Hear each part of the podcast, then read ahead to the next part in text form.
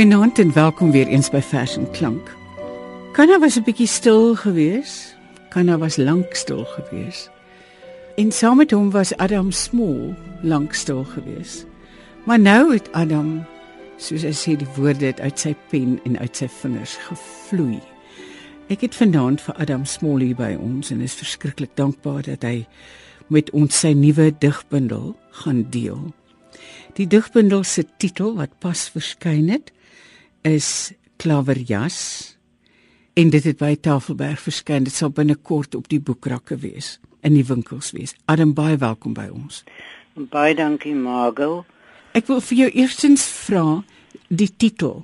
Vertel vir ons hoekom. Jy weet, Klaverjas is uh, natuurlik die kaartspel.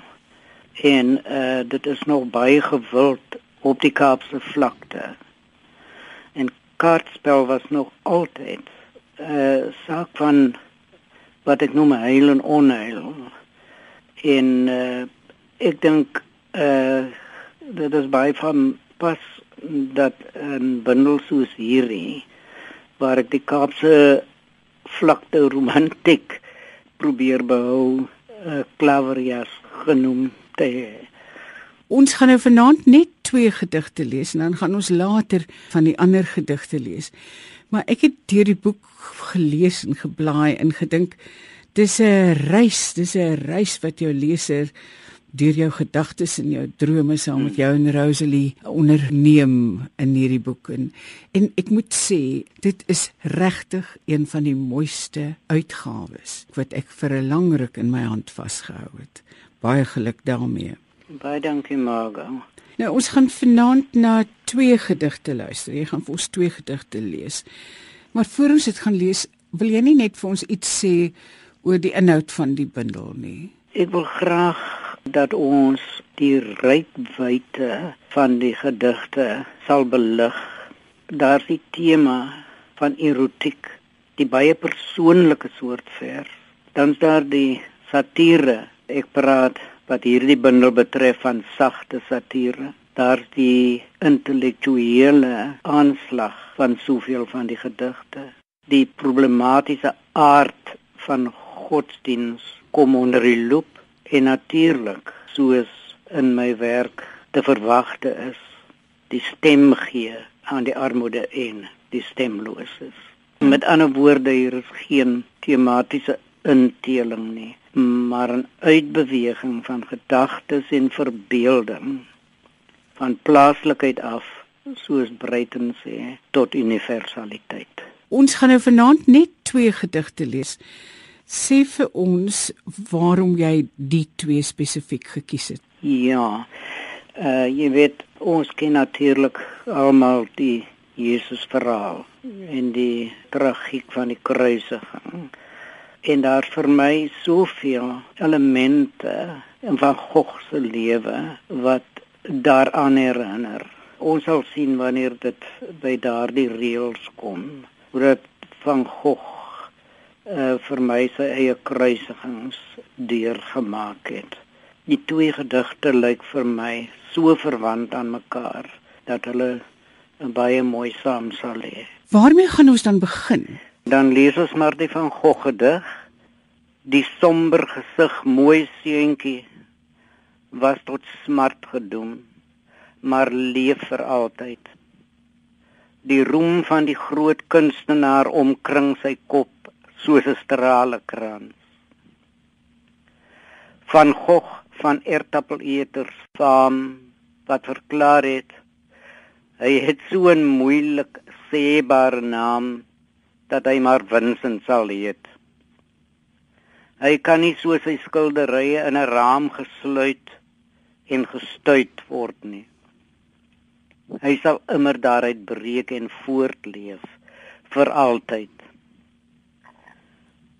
Iewers tussen die taal en Oberhammergau se passie in die sin van lyding bly hy leef vir altyd iewers tussen waar hy in die nag geskry het in Sint Remis en geverf het in Borinage of Auvers-sur-Oise eers met 'n donker penseel en palet, maar later met heerlike kleur. Helder geel soos van sonneblomme, selfs skitterwit soos die flikkerende sterre hoog bo kan die kafee stoep. Tussen al hierdie beelde opgeroep, leef sy naam voort vir altyd, Vincent van Gogh. Solank armoede bestaan omdat hy dit geteken het en solank innigheid bestaan omdat hy dit geverf het, dikwels sonder pen of kwas, net met sy tempermes. Hartstogtelike hale op doeke wat sy broer Theo hom liefdevol besorg het. Solank sal hy leef, Vincent van Gogh. Afhangend van die tyd van die jaar het hy in die suide gewerk by Arles onder die vlammende somerson. Dan weer met die wintergewarrel van die wind buite die stormende lug en vlug van woedende wolke. En hy het dit alles omdat dit aards was liefgehad en homself sonder verset daaraan oorgegee selfs aan die dood so deel van die lewe toe hy homself op die plaaswerf skiet Die verdriet om hom was groot toe hy uiteindelik sterf en in die klein nuwe begraafplaas by Oever begrawe is. Maar na al sy kruisigings het hy nou opgestaan in sy werk en sit aan die regterhand van dit alles. Van waar hy kom nie om te oordeel nie, maar om te vergeef. En hy bly leef, voortleef vir altyd 'n man sonder bedrog Vincent van Gogh so moet ons hom onthou die hartstogtelike man met die vernielde oor sy pyp op die starre stoel die heiligheid van uitgestrekte velde om hom stil in die sonlig geraam sodat gevoeliges daarna kan kyk en huil. Al hierdie beelde bevestig sy naam en hy leef deur hulle voort vir altyd. Leef deur hulle nog Vincent van Gogh die mooi seentjie wat opgegroei het tot die skilder met die hart meer as enige ander seker die kunstenaar van smart.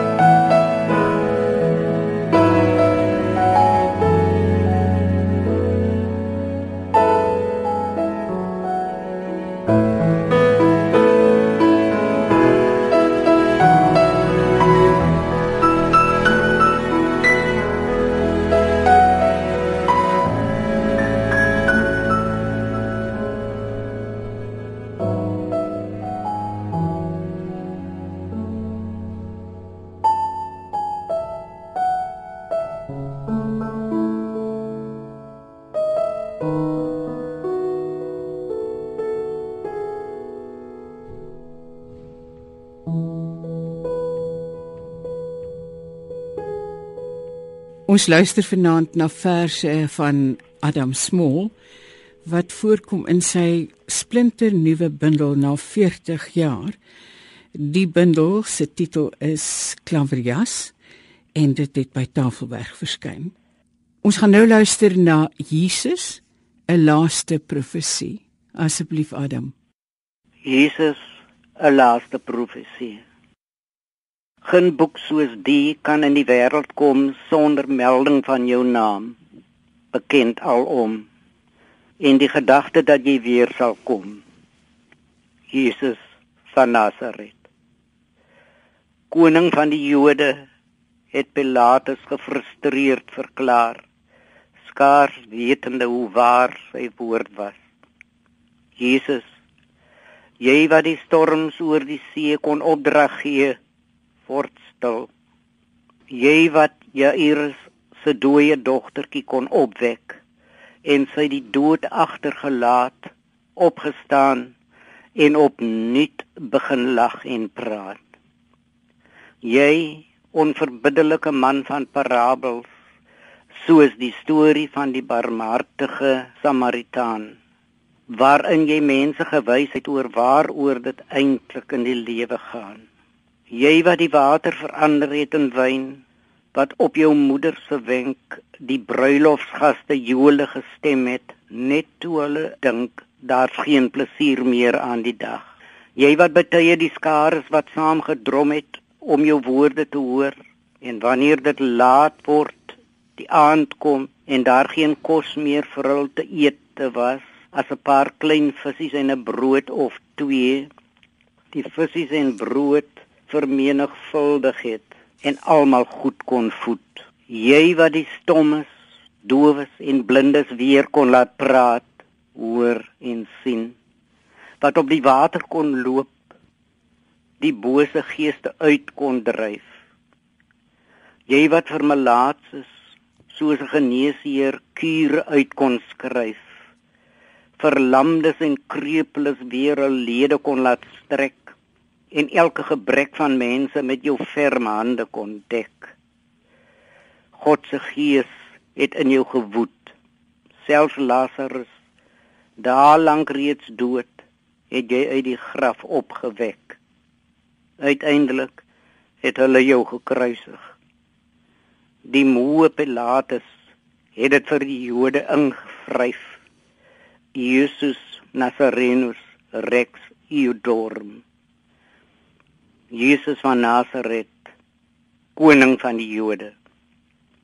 Toe die gepeopel Pilatus ook wou bykom, het hy hoonend net gesê wat ek geskryf het, het ek geskryf.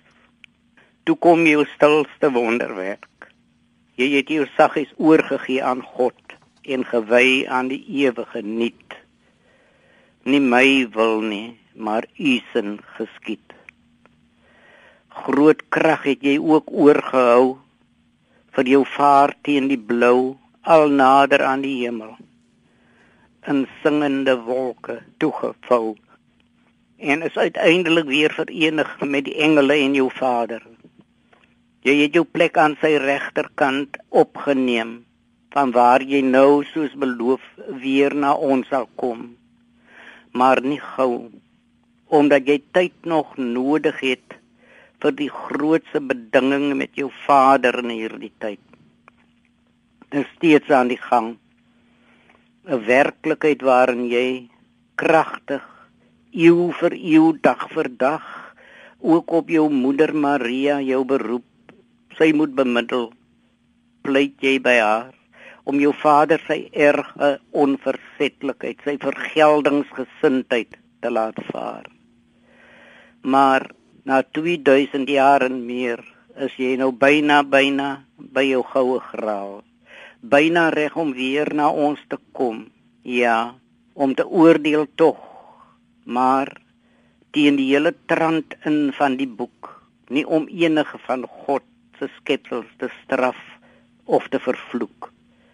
Slegs met vergifnis groot eens die nog lewendes en die opgestaanes uit die dood dit sal jou heel laaste magtige bevestiging wees van jou mens gewordenheid vergesog miskien wat jou vader betref.